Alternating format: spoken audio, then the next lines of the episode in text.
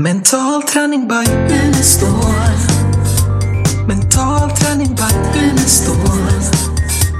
Hej och välkomna till podden Mental träning by Unestål. Podden för dig som gillar mental träning och allt annat inom personlig utveckling. Eh, ny söndag eh, och nytt avsnitt. Lars-Erik och Malin Lake är med som vanligt. Jajamän. Välkomna! Tackar. Mm, tack. Jaha, vad ska vi prata om idag? Ja, det undrar jag också. Jag brukar ibland eh, säga innan jag håller föredrag att det ska bli roligt att höra vad jag har att säga idag. Det blir alltid bättre om man inte bestämmer innan. Och, eh, så att eh, en Det Det är precis som vanligt då. jag köra. mm, jag har en liten fråga då. Däremot så har jag ju pratat mer än ni under poddarna så att nu är det dags att ni kommer in. Jag tänkte börja med dig Malin. Usch. Ja, du har inte sagt så mycket så nu ska vi få reda på vem du är. Eftersom du är med i varje podd så är det ju många som sitter och undrar vem, vem det är som sitter Det undrar med. jag med. Ja, just det. Jaha.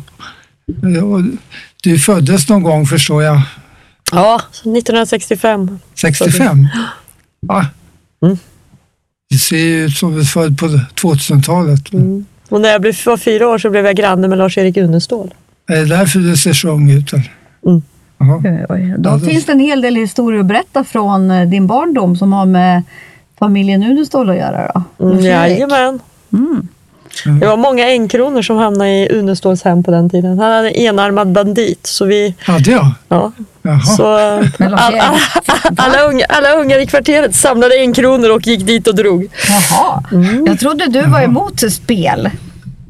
Ja, jag vet inte om någon jag, tjänar på det. Jag som brukar säga att jag är den enda som har varit i Las Vegas tre gånger utan att dra i en enda enarmad bandit.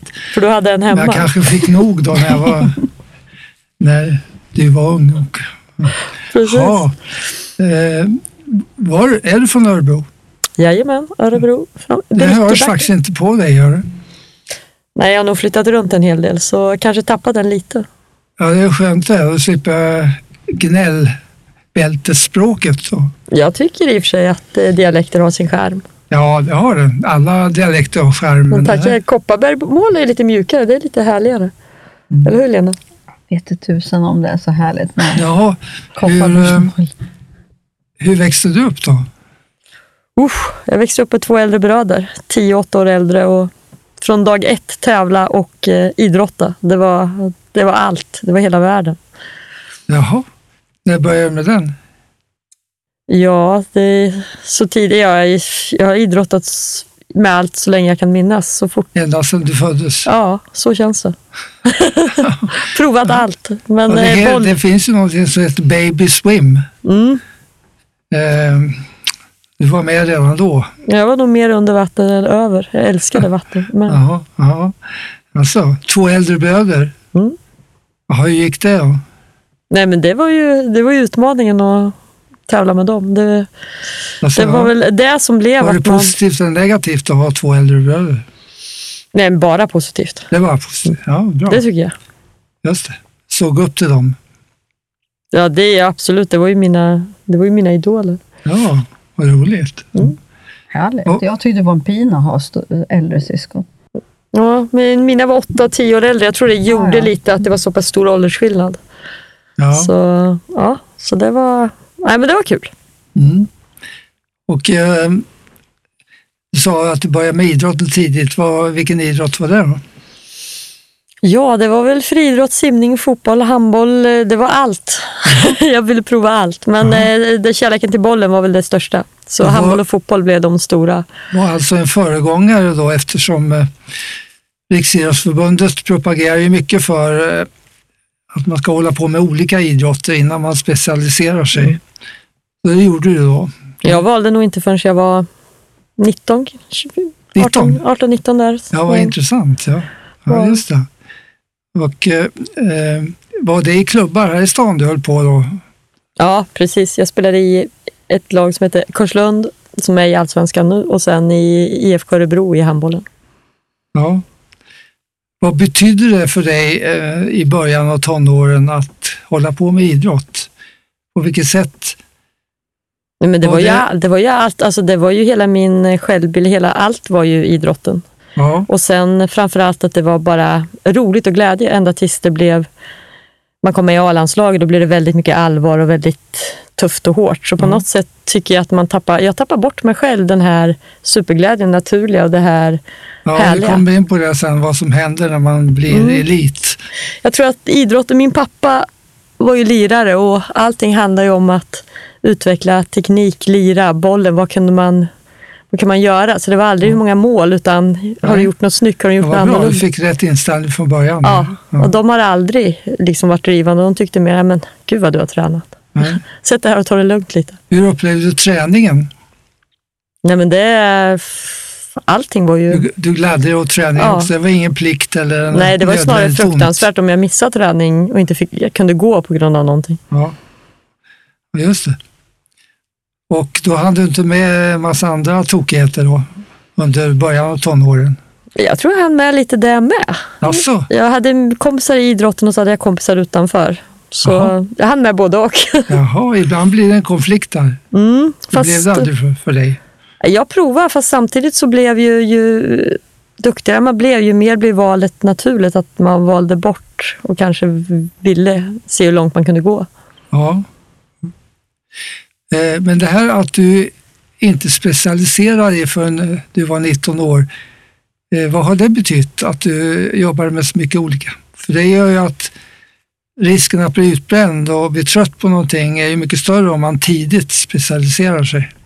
Ja, men det tror jag och jag tror att jag har haft väldigt, väldigt lite skador och det tror jag är allround-tränad. Att, att man inte blir specifikt tränad Nej. utan allround.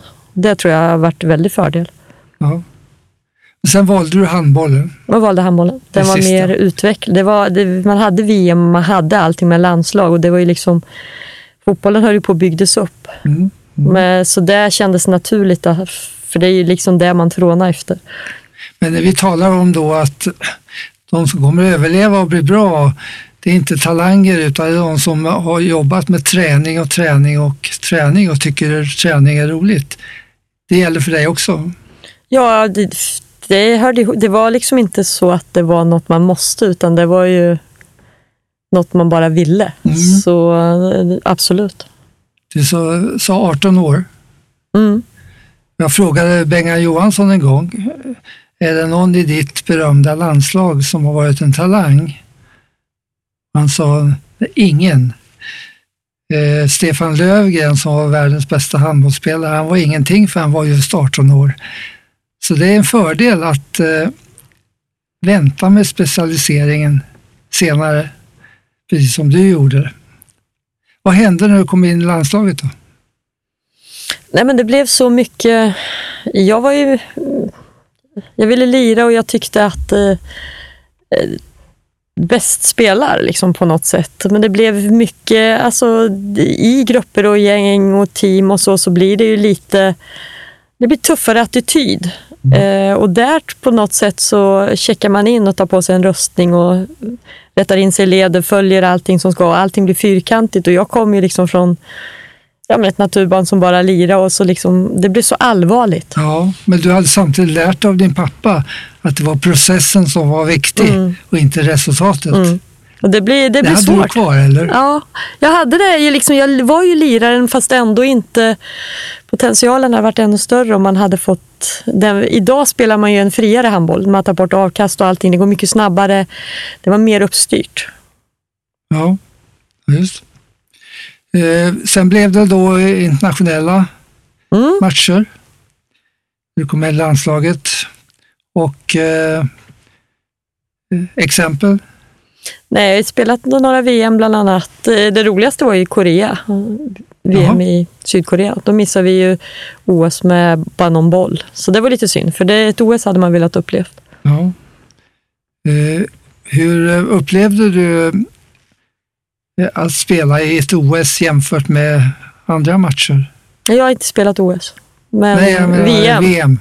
Nej, men det blir ju väldigt fokuserat. Handbollen är ju, spelar ju väldigt tajt. Om man jämför med fotbollen som kanske spelar var fjärde, var femte dag. Handbollen spelar ju nästan typ två, vila en. Mm. Lite som hockeyn. Det är, men det, jag, jag tycker det är skönt när man är iväg så att Mm.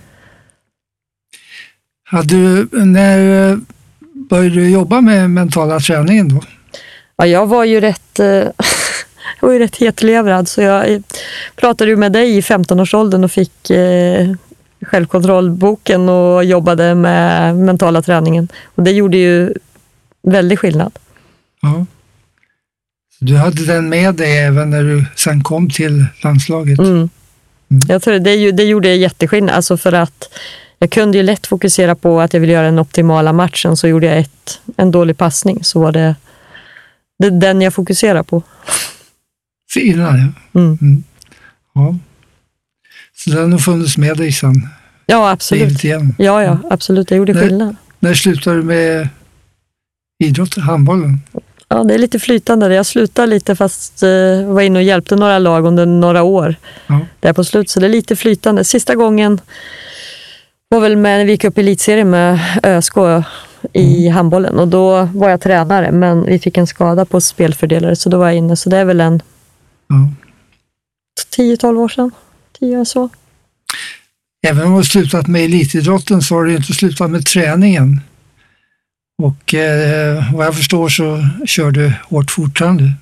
Med Ja, eh, nej dag. jag kör inte hårt men det är ju en livsstil. Alltså, det är ju ett sätt att, att må bra. Mm. får man träna så hamnar man i balans och allting ramlar på plats. Ja. Så, men jag, däremot har jag börjat jobba mer med mentala träningen igen och hitta tillbaks till den eh, på ett annat sätt. Ja. För för mig var mental träning väldigt mycket förknippat med idrotten tidigare. Men har återvänt till den och hittat tillbaks och det tycker jag är fantastiskt. Ja, vad roligt. För att eh, det finns en del idrottare som säger just det att visserligen betyder mental träning mycket under min karriär, men ändå måste jag säga att det, det viktigaste är hur jag kan använda livet igenom efter att sluta med idrotten. Så är det med dig också. Ja, absolut. Och likadant när jag lärde känna Helene eh, och fick möjligheten att gå coachutbildning. Att coachningen där, alltså tidigare var jag väldigt mycket min prestation, men att gå från ett fast förhållningssätt till ett lärande där antingen lär jag mig att lyckas istället för att det är svart och vitt. 90 100 tävlar jag, 99 chanser att må dåligt. Mm. Det förändrade ju allt i, efter karriären att få landa in det och våga gå in i grejer som man tidigare kanske hade haft respekt för att göra för att tänk om jag inte är bäst Ja.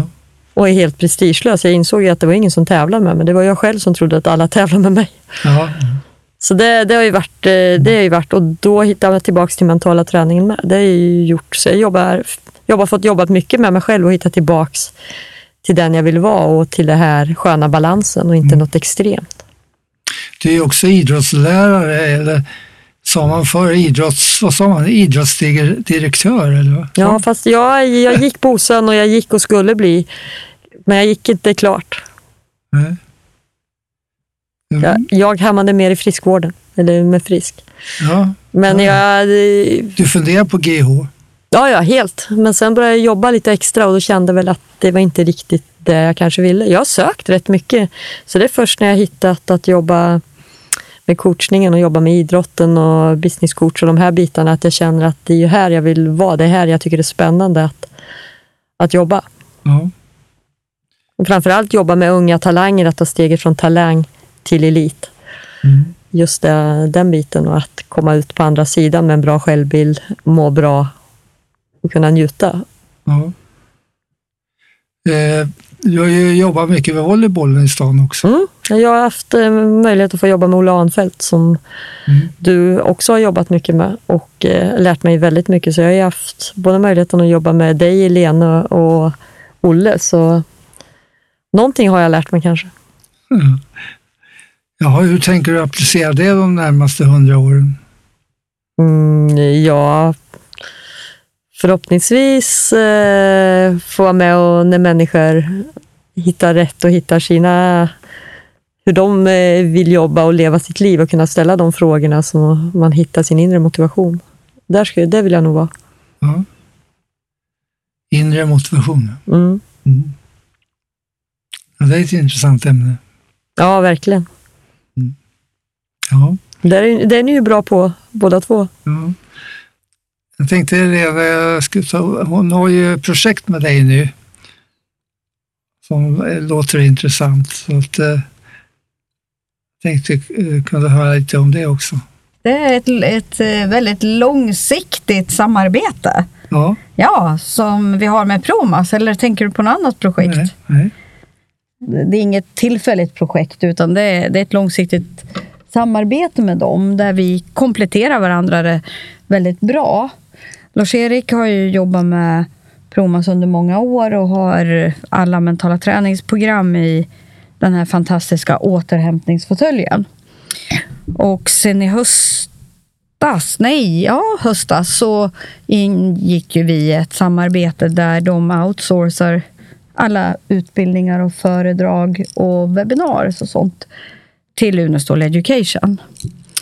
Så eh, det innebär att Malin, du håller ju i allt som har med hälsoinspiratörsutbildningen att göra.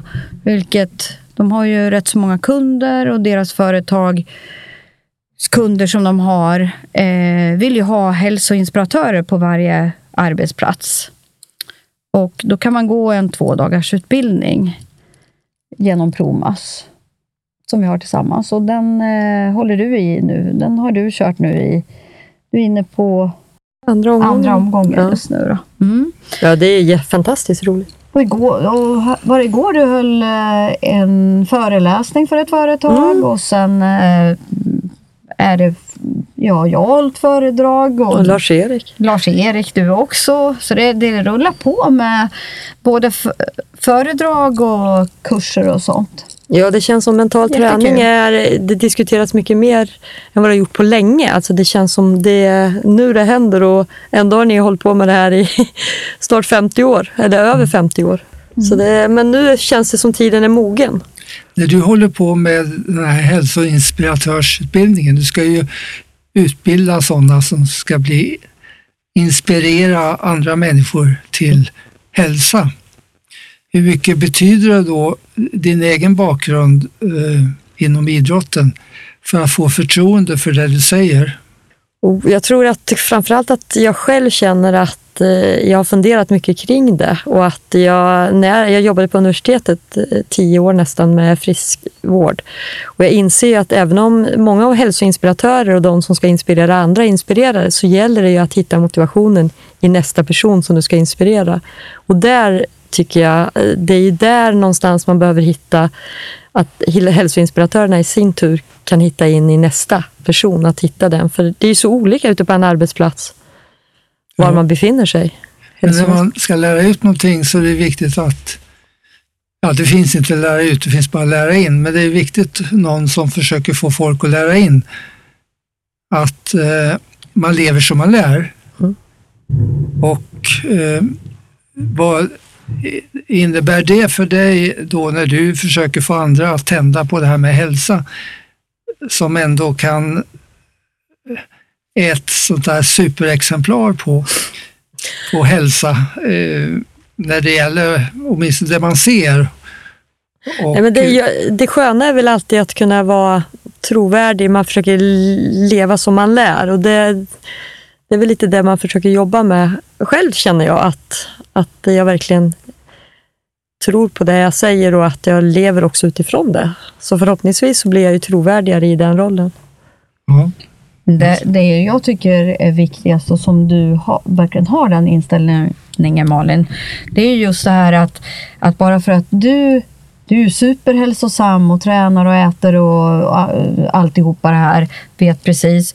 Men du påhyvlar ju inte det på andra. För jag menar på en arbetsplats så kan det ju vara någon som eh, kanske äter jätteonyttigt. Då skulle man börja äta som Malin gör då bara för att hon är förebild. Det skulle bli ett jättestort liksom, gap mellan vart, vart den medarbetaren är och, och vart Malin är. Så att du fångar ju upp dem där de är och hjälper till att lära ut till de här hälsoinspiratörerna att hitta medarbetaren där den är, fånga upp den och, och kunna ha ett coachande förhållningssätt.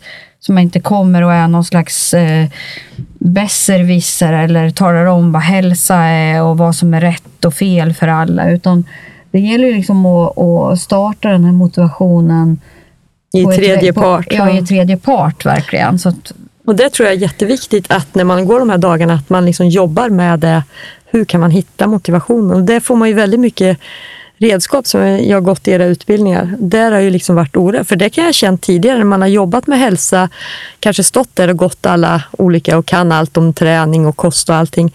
Men det, det är ju bra, men hur når jag in? Och hur får jag det hända i en annan person? Det är ju det som är nyckeln. Men det som är viktigt i den här, så som har gjort den, mm.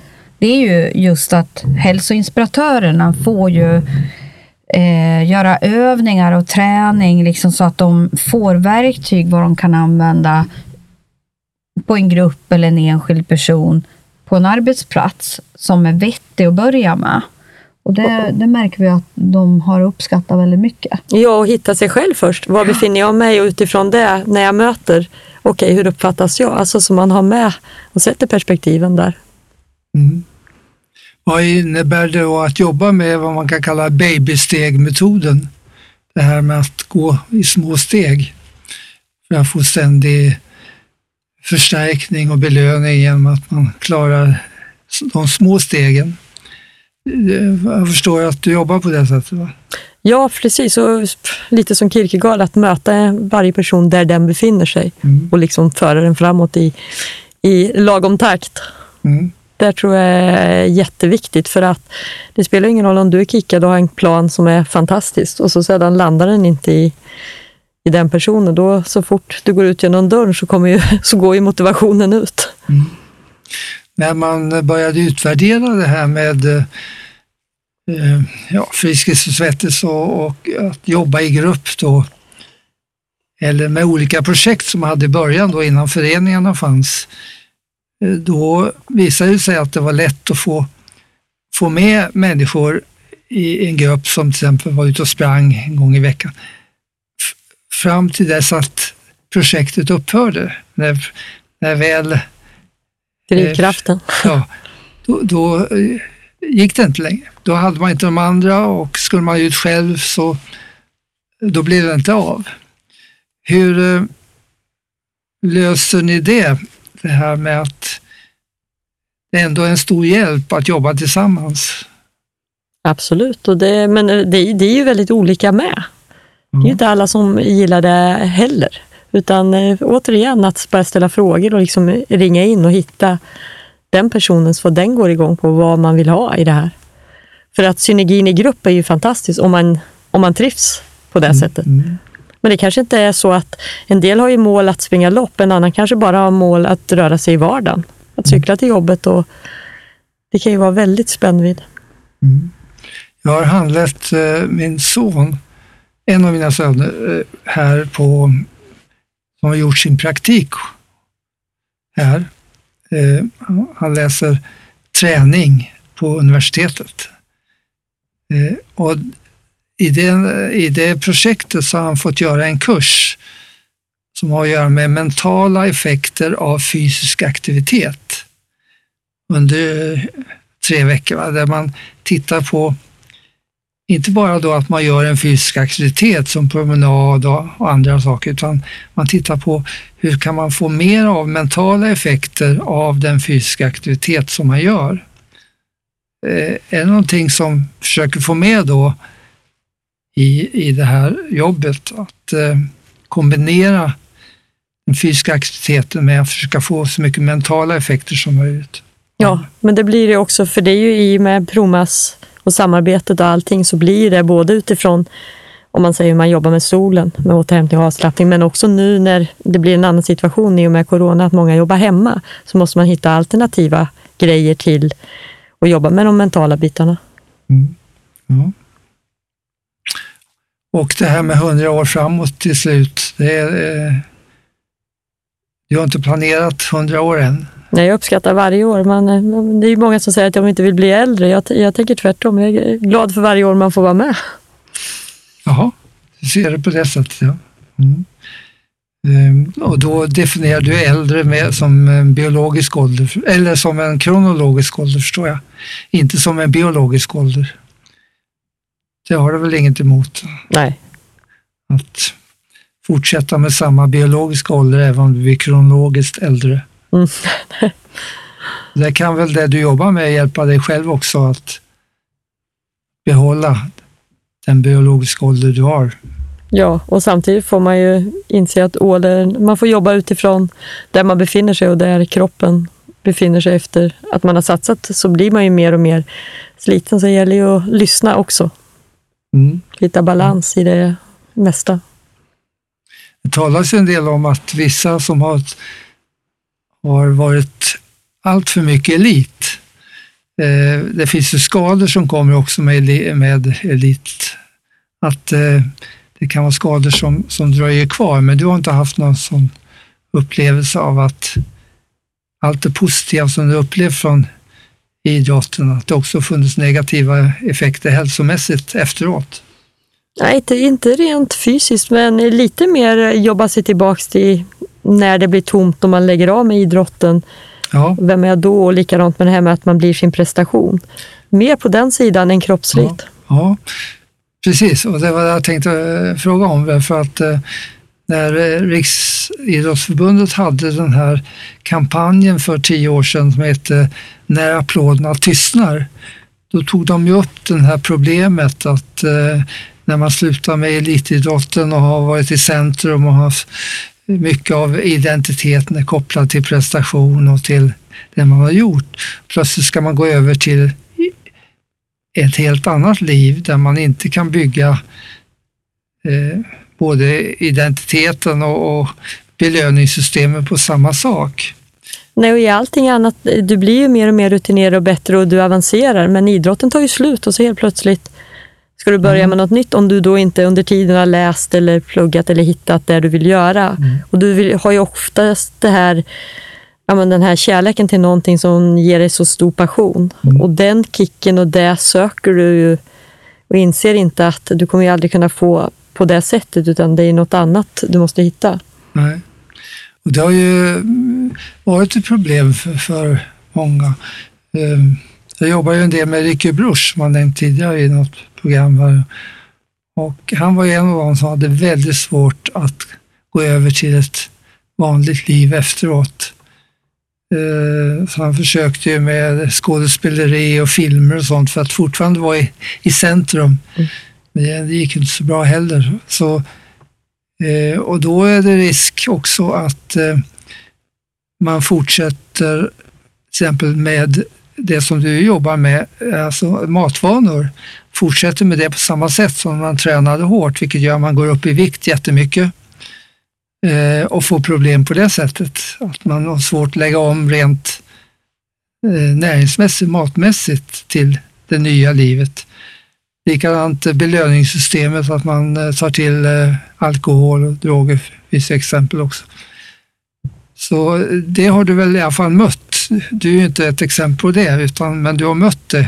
Ja, fast jag kan väl tycka att ibland att eh, ett tag så tränar man ju för att må bra. Alltså, det blev nästan där när man var lite vilse vad man skulle göra. Så istället för att träningen bara, utan det var ett sätt att må bra för att eh, vara i balans.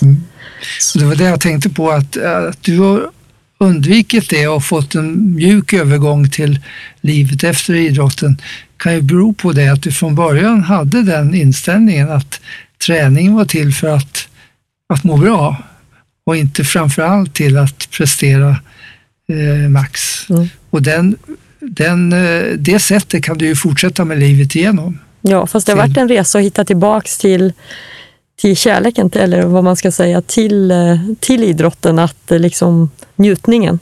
Mm. Så det, det, var, men det, det är många som säger att du är så duktig som tränare, men det är en del av mitt mående. Jag tror du tränar ju mycket själv med. Och det är en sak som vi kan återkomma till i kommande program, nämligen hur mycket betyder njutningen för, för hälsan? Mm. Det är ett väldigt spännande område som vi kan Verkligen. gå in på. Då. Det har varit väldigt, my- varit väldigt mycket jag i det här programmet. Jag vet inte hur, Jo, men, eh, hur hamnar i- vi här?